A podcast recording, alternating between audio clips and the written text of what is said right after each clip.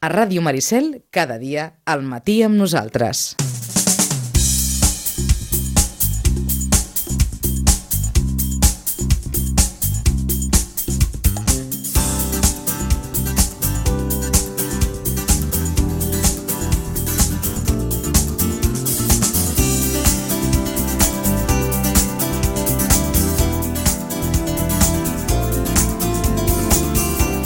10 i 23 minuts del matí, temps per fer una mica de crònica esportiva des d'ara fins les 11 en aquest matí amb nosaltres. Eh, un cap de setmana esportiu que ens ha dut i, vaja, ho podem posar, si volen, en majúscules, la primera victòria d'aquesta temporada del Club Patí Subur Sitges. Sí, ha arribat a l'últim instant, a l'últim partit de la primera fase d'aquesta temporada, amb l'Andorra dissabte passat a Pinsbens per un contundent 8 a 1 amb l'estrena del nou marcador al pavelló.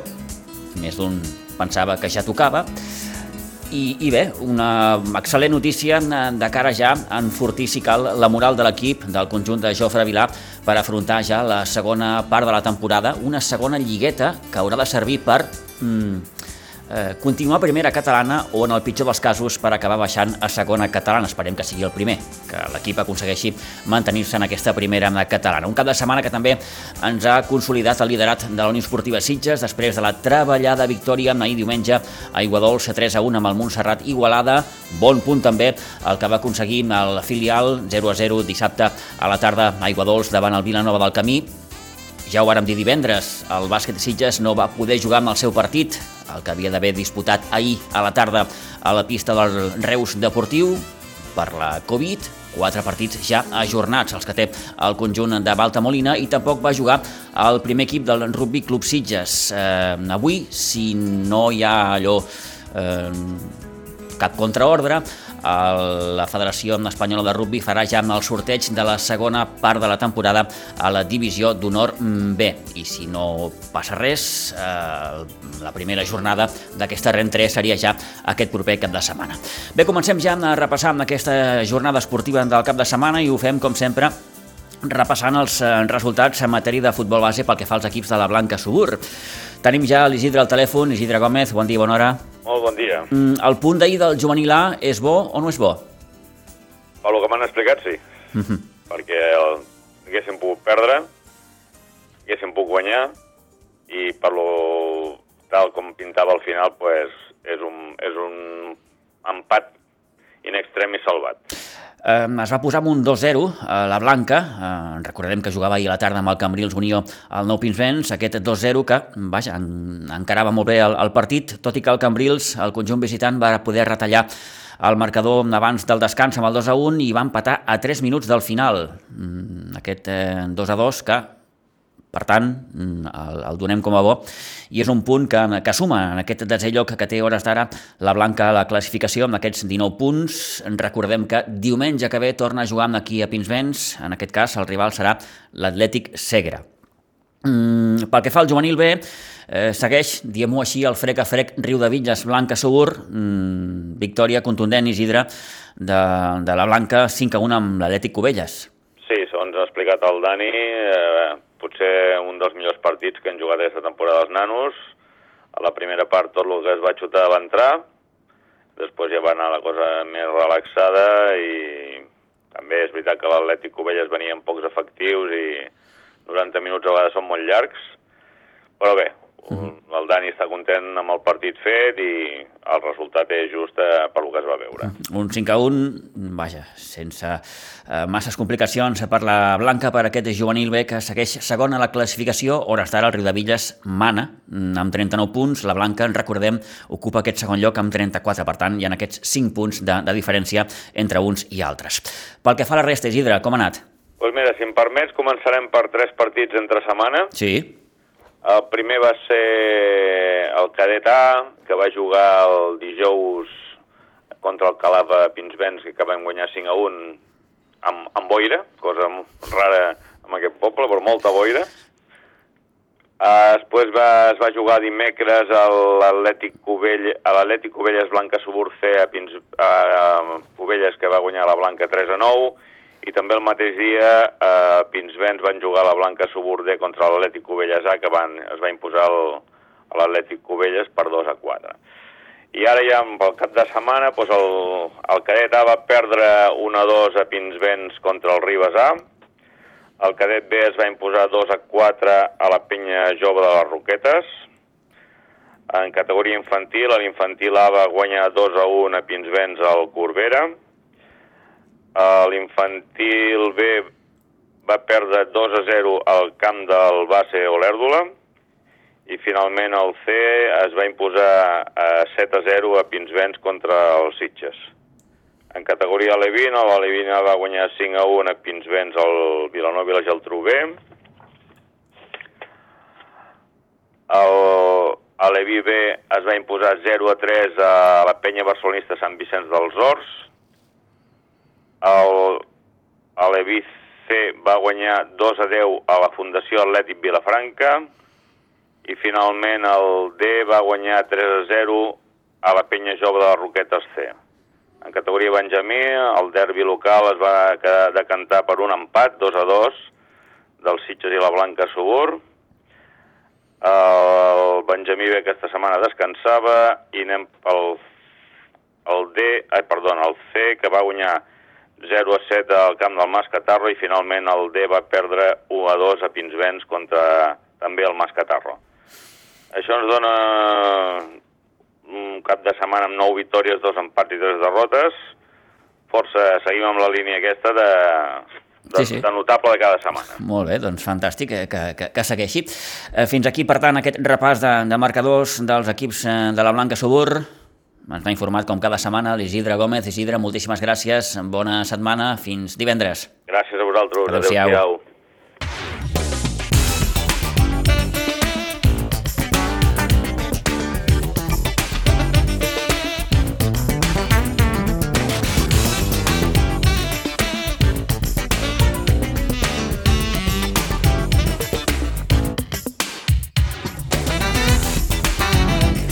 Gairebé dos quarts d'otze del matí seguim parlant de futbol, en aquest cas per repassar ja com ha anat la jornada tant a segona com a tercera catalana. Segona en el seu grup segon, jornada número 16, destaquem, com no, la victòria 3 a 1 de la Unió Esportiva Sitges ahir al migdia al municipal en Dols davant el Montserrat Igualada, una victòria molt treballada que al cap i a la fi li permet als Sitges mantenir el liderat de la classificació en una jornada en què el Sant Mauro també va guanyar amb el seu partit 2-0 amb l'Sporting Gavà, per tant segueix aquest frec a frec entre eh, sitgetans i igualadins, els Sitges líder 36 punts, el Sant Mauro segon amb 35.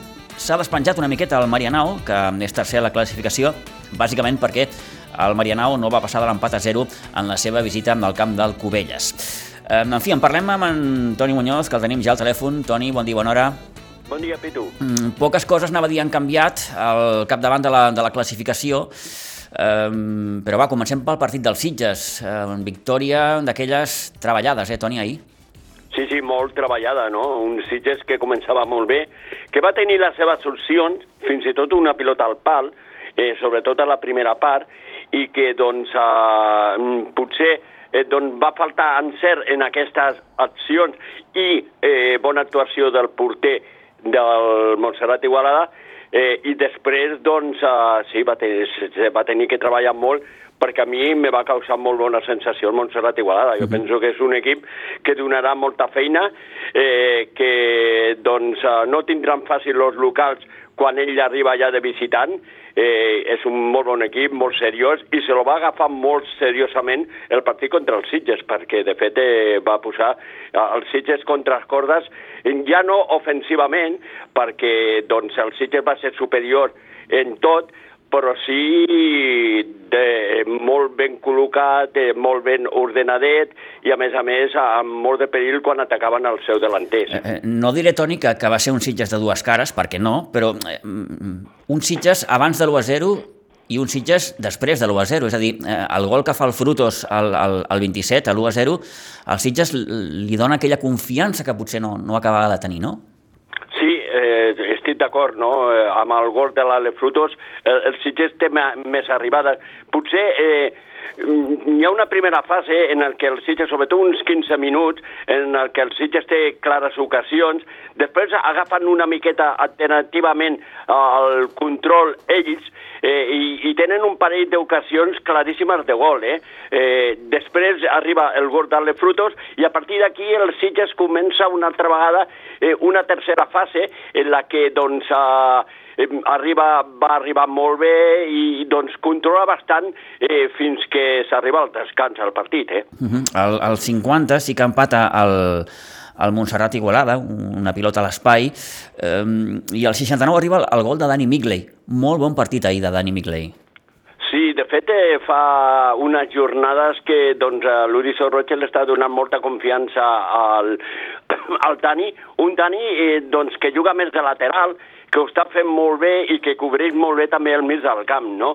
El gol és un gran gol de Dani Micle i jo penso que és una molt bona jugada col·lectiva en el que ell acaba doncs, marcant el gol per la seva banda eh, doncs, i, i li dona eh, aquella tranquil·litat, eh, tranquil·litat momentània, no? perquè de fet el Sitges sabia que encara quedava molts minuts i que doncs, el Montserrat Igualada estava molt ben situat. Eh, la tranquil·litat no arriba fins al 3 a 1 que marca el Geri, de fet és una acció ja en el temps afegit, eh, però va cridar l'atenció una miqueta, Toni, que eh, faltant uns 10 minuts i amb el 2 a 1 al marcador i encara, per tant, el partit per, per, per decidir, eh, l'Uri Sorroche fa, fa un canvi donant entrada al, al juvenil Carles Arribe per arribar amb Valero. Mm, tot s'ha de dir, una aposta valenta i, i, i, i xapó pel Carles Arribe, que va fer uns, uns 10 minuts molt bons, el nano. Sí, sí, sí, va treballar per l'equip, va saber eh, parar, eh, doncs, o controlar la pilota quan la tenia que controlar,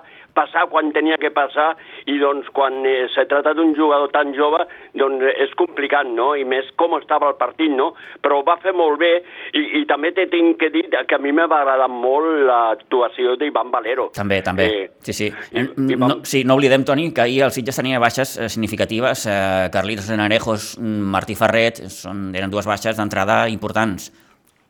Sí, que tampoc va jugar al César. Eh, tampoc. Uh -huh. M'entens? Vull dir que sí, tenia bases significatives i jo penso que, com t'he dit abans, eh, doncs l'aportació la, la, d'Ivan Valero per mi molt positiva eh, va desequilibrar molt bé per la banda i jo penso que és un, un factor a tenir en compte a partir d'ara, no? perquè tenir dos jugadors com Martí Ferrer o l'Ivan Valero per les bandes eh, diu molt no? a, a favor d'un equip, no? quan eh, estàs acostumat a jugar, i més en un camp tan petit com el dels Sitges, jugar per les bandes és el que l'està donant als Sitges potser aquestes arribades i aquestes ocasions de gol. Eh? Anem a escoltar el que deia l'Uri Sorroche, l'entrenadora de la Unió Esportiva Sitges, després d'aquesta treballada victòria 3 a 1, com dèiem ahir, davant el Montserrat Igualada. Sí, sí, la veritat és que és complicat i quan no transformes a la primera part que tens 4 o 5 ocasions d'accions a, a pilota aturada, que hem tingut moltíssimes i eren molt clares i no les hem transformat, et fiques amb 1 a 0 i t'empaten un partit a la mitja part, no? amb una pilota tonta que perds allà al mig del camp i, i bueno, ja et fica amb, amb, aquell, amb aquella pressió i, i bueno, doncs es fa complicat, però sí que és cert que seguíem creient perquè generàvem molt i sabíem que arribarien les opcions. Eh, sí que és cert, amb el, amb el 0-0 l'equip li estava costant una miqueta i ha estat marcar el Frutos i semblava que, que li faltava aquest gol per, per, per fer el clic.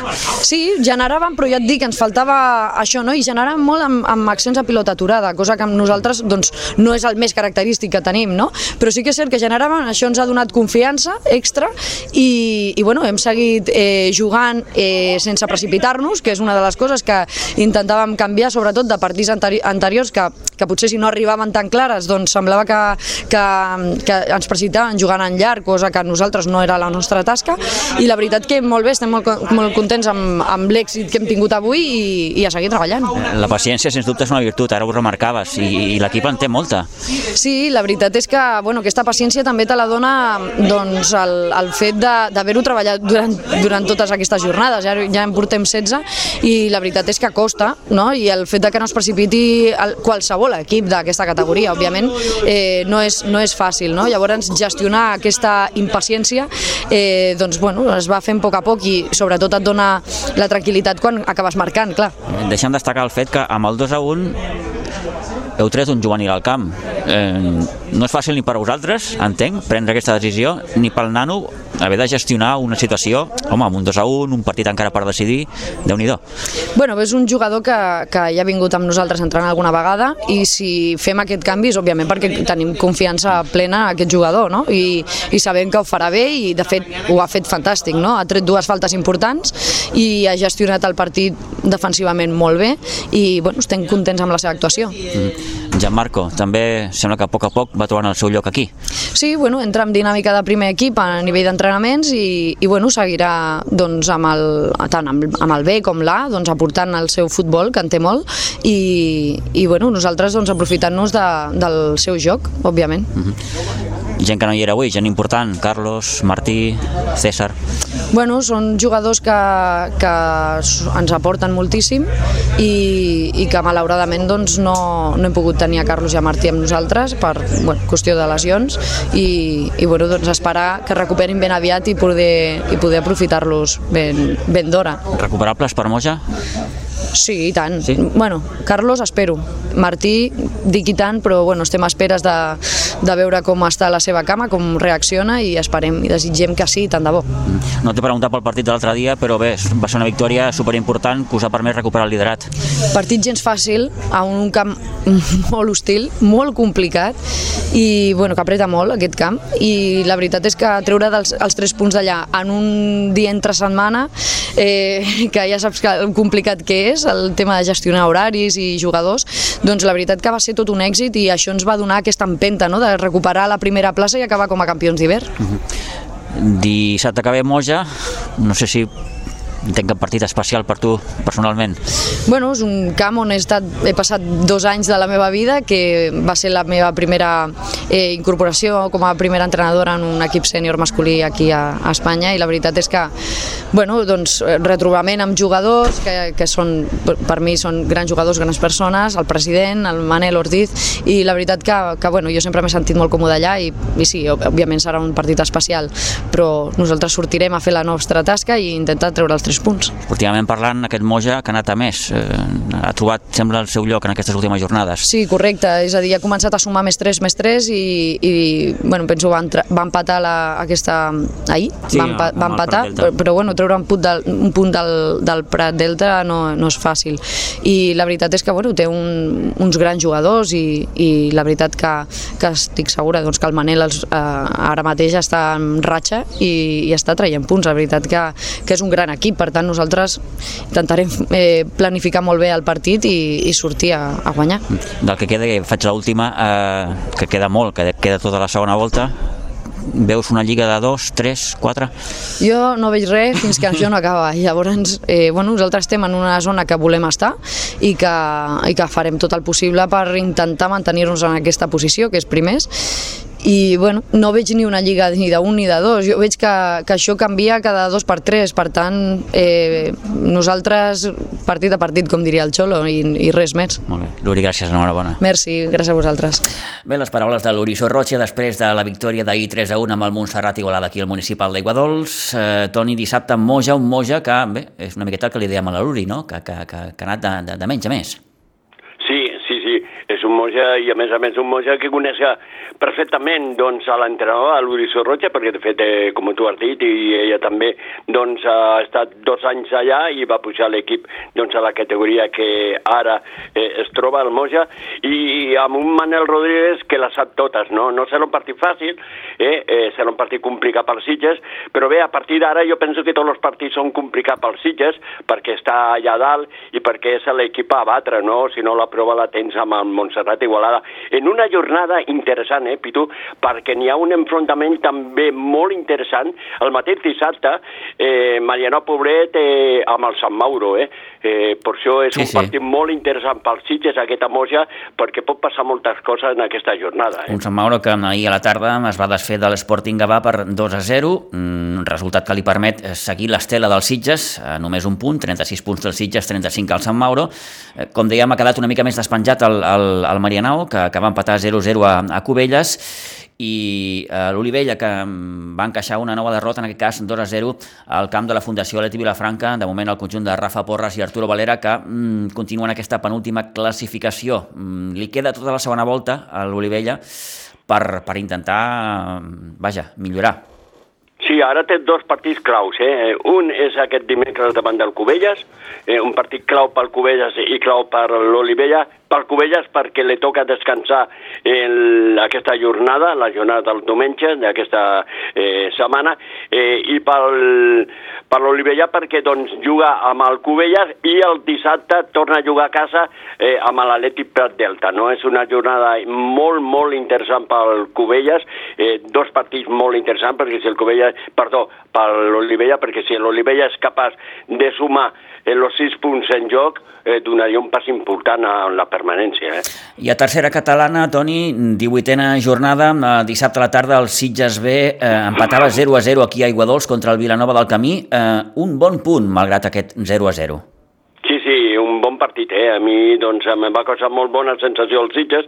Un Sitges que la va tenir en la primera part eh, i que, doncs, degut a la magnífica actuació del porter eh, del, del Vilanova del Camí, eh, la pilota la va enviar a corna. Va ser una clara ocasió de, de Pau, un xut eh, amb molta intenció de Pau, que no va entrar per molt poc perquè va estar molt acertat. Potser va ser l'única ocasió que va tenir el Sitges a la primera part. A la segona, el Sitges va seguir a la mateixa intenció, molt de futbol per mig del camp, mirar d'internar amb la delantera, faltava l'últim passe, potser el que va faltar una miqueta doncs, el dissabte va ser això, eh, la part ofensiva, la part d'arribada, el Sitges va tenir molt poques arribades en la segona part, va tenir dos de clares, una de Josep i una altra de Pau. Josep perquè no veu a Pau que està totalment sol si l'arriba a passar la pilota, potser ara estaríem parlant d'un altre resultat, però en Josep no, en aquell moment no va veure el Pau i va acabar la jugada ell, i una altra, la que Pau davant del porter també la va tenir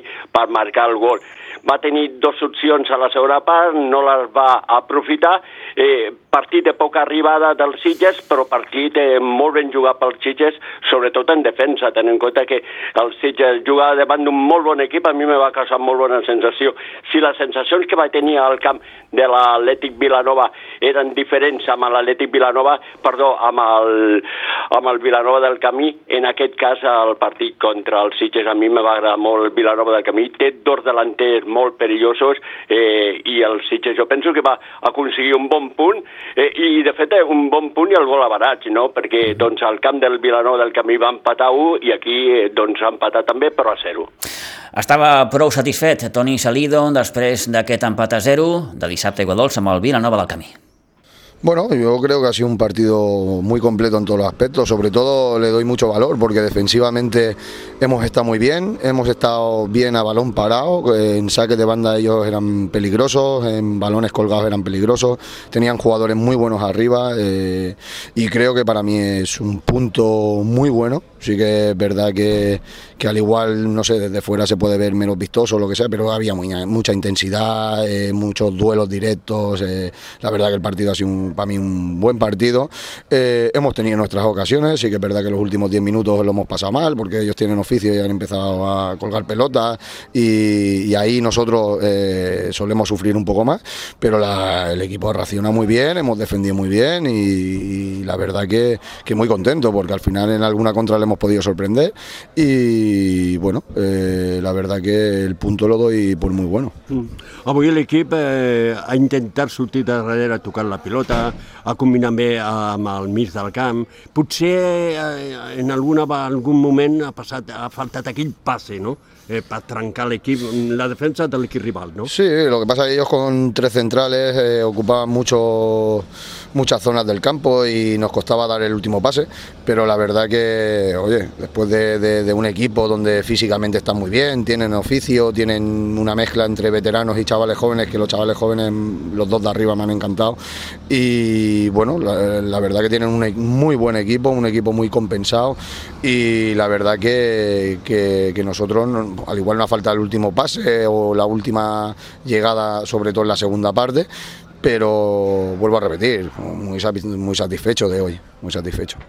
Eh, ningú li pot dubtar aquest equip que treballa moltíssim, avui ha treballat molt en defensa, eh, molt, molt bé pressionada la sortida de pilota d'ells, un equip que està fent la feina, ¿no?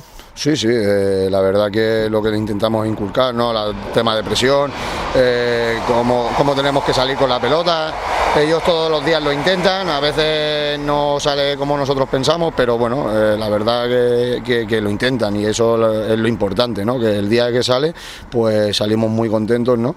Y el día que no sale, pues seguimos, no pasa nada. Eh, el problema, lo bueno es que sigan intentando la, la, la, la, manera o lo que le intentamos inculcar, que, que la verdad que, que, están trabajando bien, esta semana ha ido muy bien en los entrenos otra vez, o sea, estamos muy satisfechos en líneas generales, los chavales son muy compañeros, tanto los que juegan como los que han estado ahí en el banquillo, eh, son muy disciplinados, están, están por el grupo y la verdad que contento. Potser el que le, le falta a aquest equip, el que l'ha faltat avui en algun moment del partit és això més arribada, no?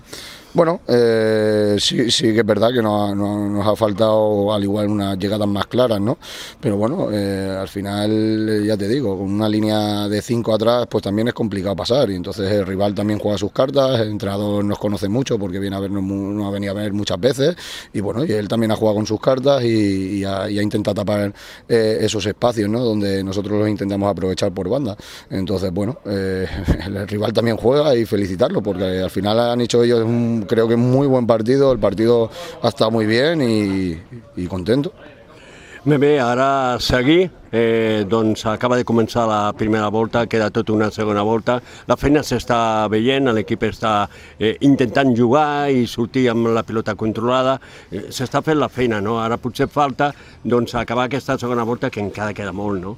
Pues sí, no, la verdad que bueno, hemos empezado igual que la primera, eh, empatando, eh, empatando contra Vilanova del Camí, que, bueno, eh, por el resultado le, ganamos en golaveraje y, y la verdad que en principio hemos empezado mejor que la, que la primera, ¿no? empatando, pero por encima de ello. Entonces eh, toca trabajar y, y, seguir haciendo las cosas e intentándolo hacer lo mejor posible y a ver si podemos llegar lo, más arriba, que al final tampoco no es un tema nuestro, pero sí que es verdad que lo que nos gusta es competir y, así lo haremos.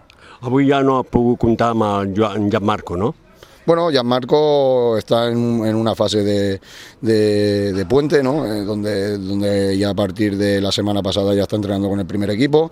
Eh, es un chaval que sabemos todos que, que tiene muchas condiciones para jugar y, en principio pues lo tendremos que ver mañana. Entonces, eh, darle todo esto son alegrías para nosotros. O sea, si van contando con, con, chavales es porque la faena se está haciendo bien, los chavales están cumpliendo y, la verdad que siempre es alegría de, de, tener a jugadores participando con el primer equipo que, que al final es para, para, lo que estamos. No?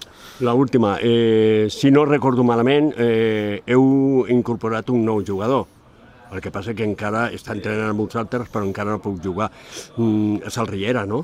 Sí, sí, bueno, eh, estamos con los trámites de la ficha, revisión médica y tal, y en cuanto esté el tema de, de, de federación preparada, pues ya, ya podremos convocarlo, ¿no? Entonces, bueno, eh, de momento está entrenando, llevaba tiempo parado eh, por la lesión y porque no, no, no había entrado en, en dinámica de, de, competición, pero bueno, intentaremos recuperarlo, yo ya hace años que lo conozco y sé lo que me puede dar y lo que no, y intentaremos aprovecharnos de d'ell lo, lo, lo màxim que podamos.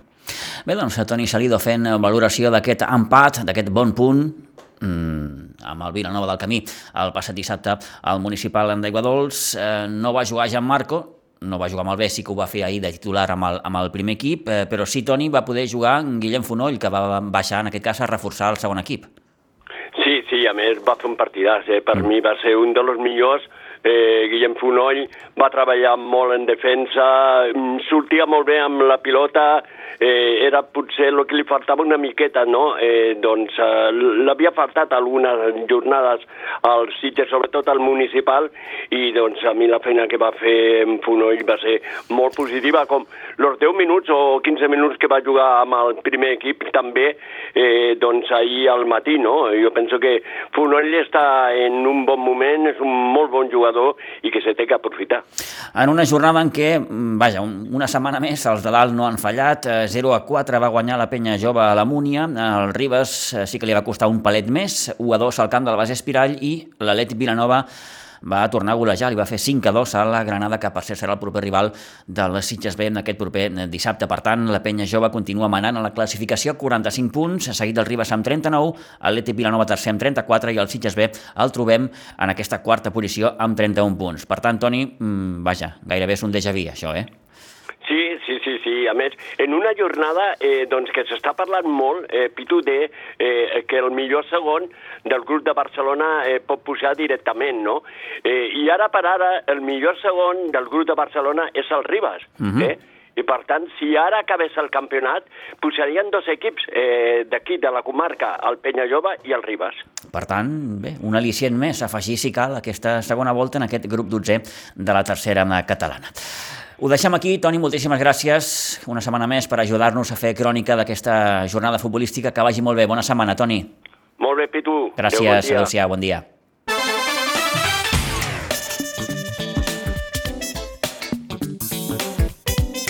Deu i 53 minuts del matí i parlem d'hoquei perquè, vaja, hem de dir en majúscules que per fi ha arribat la primera victòria del Club Patí Subursitges, la que va aconseguir aquest passat dissabte aquí a Pinsbens, 8 a 1 davant l'Andorra, una Andorra que feia tot just una setmana que havia derrotat el conjunt sitgetà per 4-3 en aquell famós partit eh, pendent, un club patí Subursitges que ha hagut d'afrontar dues setmanes especialment eh, dures en matèria de partits. Eh, la setmana passada doble partit amb el Monjos i l'Andorra i la setmana passada també doncs, el doble partit a Juneda i dissabte, com dèiem, aquesta boníssima victòria, la primera de la temporada, davant el conjunt andorrà. Un partit, vaja, complet, de dalt a baix, un partit que a la primera part ja gairebé estava sentenciat amb un 5 a 0, un 5 a 0 que lluïa el nou marcador del pavelló de, de Pinsbens, falten ajustar unes quantes cosetes eh, del, del marcador, però bé, en qualsevol cas, celebrem l'arribada d'aquest nou marcador al pavelló de Pinsbens i aquest 8 a 1 que es van repartir entre Marçal Monasteri, que va fer 3 gols, eh, Aleix Garreta, que en va fer 2, en Gerard Morera,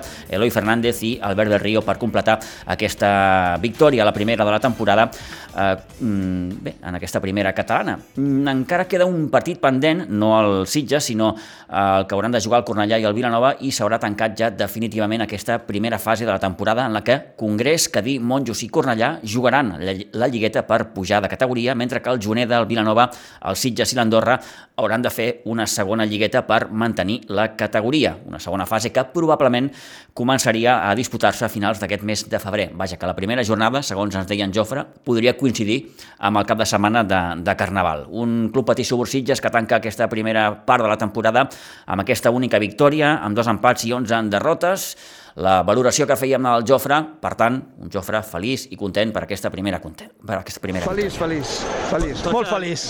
Clar, normal. Eh, els jugadors també, l'afició també, vull dir, un dia rodó, no?, com, com s'acostuma a dir.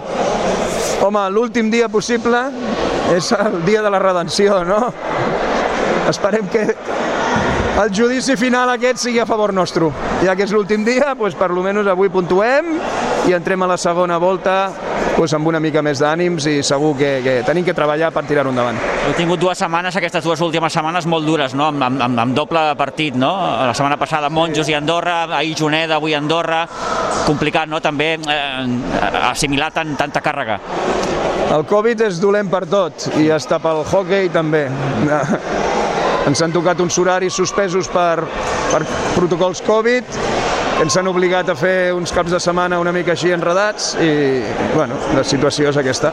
He tingut que jugar partits divendres, dissabte, dissabte, diumenge, molts quilòmetres, a vegades, no sé, la, això sí que és una cosa que la federació tindria que treballar molt més amb aquest assumpte. Ara resulta que ens donen unes setmanes de festa eh, que jo crec que es podia haver fet servir per recuperar aquestes jornades. No, no era necessari compactar-ho tot, però... Doctores tiene la iglesia. Eh, et faig la pregunta al milió, Jofre, per què ha costat tant? Ha costat tant perquè hem tingut que fer molta feina. Hem tingut que fer molta feina a nivell físic, a nivell mental, a nivell inclús de, de, de jugadors. Avui comentava que em sembla que era el tercer dia que tenia vuit jugadors i dos porters.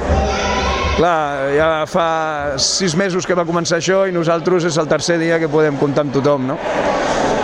Eh, a poc a poc anem refent, anem compactant, anem creant l'equip, eh, recuperant el que tenim, gent de casa. Estamos en ello.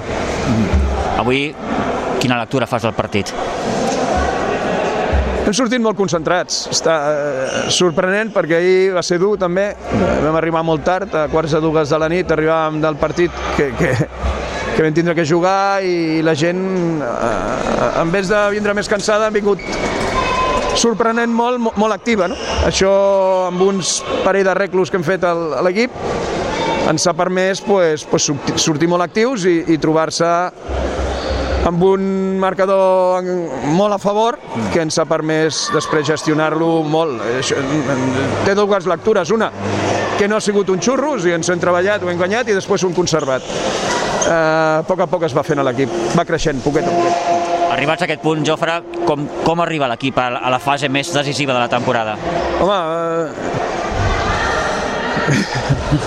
si partim de zero, fantàsticament, no? Perquè és la primera... eh, eh, eh, ens trobarem amb equips d'aquest nivell, cada partit serà una final, i el que sí que arribem és, és molt contents pel fet de que hem guanyat un partit. O sigui, no ens hem de treure el gorro, hem estat a prop diverses vegades, però no havia sigut mai possible i en canvi avui ha sigut d'una forma molt contundent. O sigui, jo crec que aquest, dintre d'aquest equip hi havia aquest, aquest cor, però per una raó o per l'altra no, no s'obria i en canvi avui quan, quan crec que ells mateixos han pensat bueno, ja el, per, per, com ens queda això ja no queda res més pues, s'han deslliurigat i, i han aconseguit jugar a hockey, saber estar i anar tirant endavant.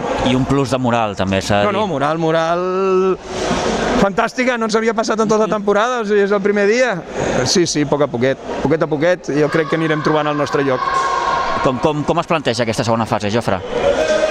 Bueno, és un altre invent d'aquests post-Covid, o sigui, resulta que ara es parteix la, la, el grup que estava amb, amb, amb dues lligues diferents, unes que juguen per pujar i els altres que juguen per no baixar.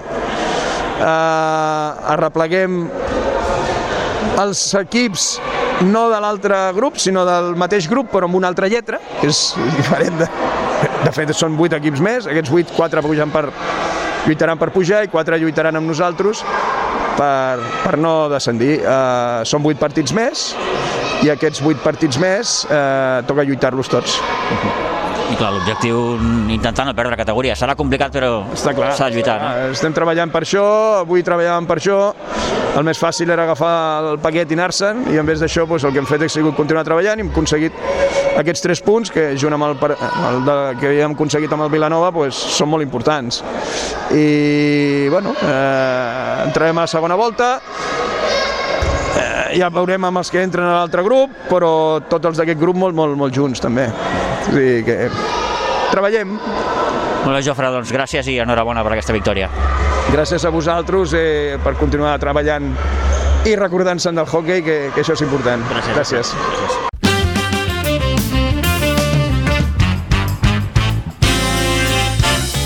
Bé, doncs, a veure com afronten el Club Patí Sitges aquesta segona fase de la temporada, aquesta nova lligueta, aquests vuit partits que mm, acabaran de decidir la sort de l'equip aquesta temporada, tan recordada mm, per l'ajornament de partits per la ditxosa Covid. Eh, en qualsevol cas, l'equip arribarà bé de moral, amb aquest plus després de la, de la victòria del passat dissabte 8 a 1 amb, amb, amb l'Andorra.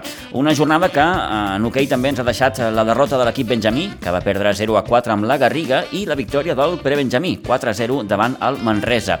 Els diem també que en bàsquet el partit entre el Reus Deportiu i el bàsquet Sitges es va haver de suspendre. De fet, ja en van parlar el passat divendres amb el president del bàsquet Sitges, Pau Simó. Per tant, un bàsquet Sitges que ja acumula 4 partits veurem com, com s'acaben d'encabir en aquest calendari que cada cop s'apreta més. Només eh, hi ha una data ja, sí, assignada, eh, és el partit que jugarà amb el veterans Salle Reus a Pinsbens el dia 4 de març, a partir de les 9 de la nit. De la jornada de bàsquet destaquem la derrota del sènior femení, que va perdre 46 a 37 a l'Hospitalet, a la pista del Coll Blanc. Eh, I punts també d'en rugby eh, per destacar que avui ha previst que eh, se'n doni a conèixer el calendari de la segona volta a la divisió d'honor B. Per tant, tota una segona volta per millorar els registres pel que fa amb el Rugby Club Sitges en una jornada en què ens ha dut la victòria del Sènior B, que va guanyar 14-0 dissabte a la tarda al Químic B. Eh, també victòries del Sub-18 i el Sub-16. El Sub-18 que es va imposar al Poble Nou, a la Mar Vella, 5 a 67. També va guanyar, com dèiem, el Sub-16, 55 a 27 al Sant Cugat i derrota del Sub-14, 0 a 62 amb el Buc. 11 i 2 minuts del matí, fins aquí la crònica esportiva del cap de setmana. D'aquí uns moments, xerrada de Carnaval.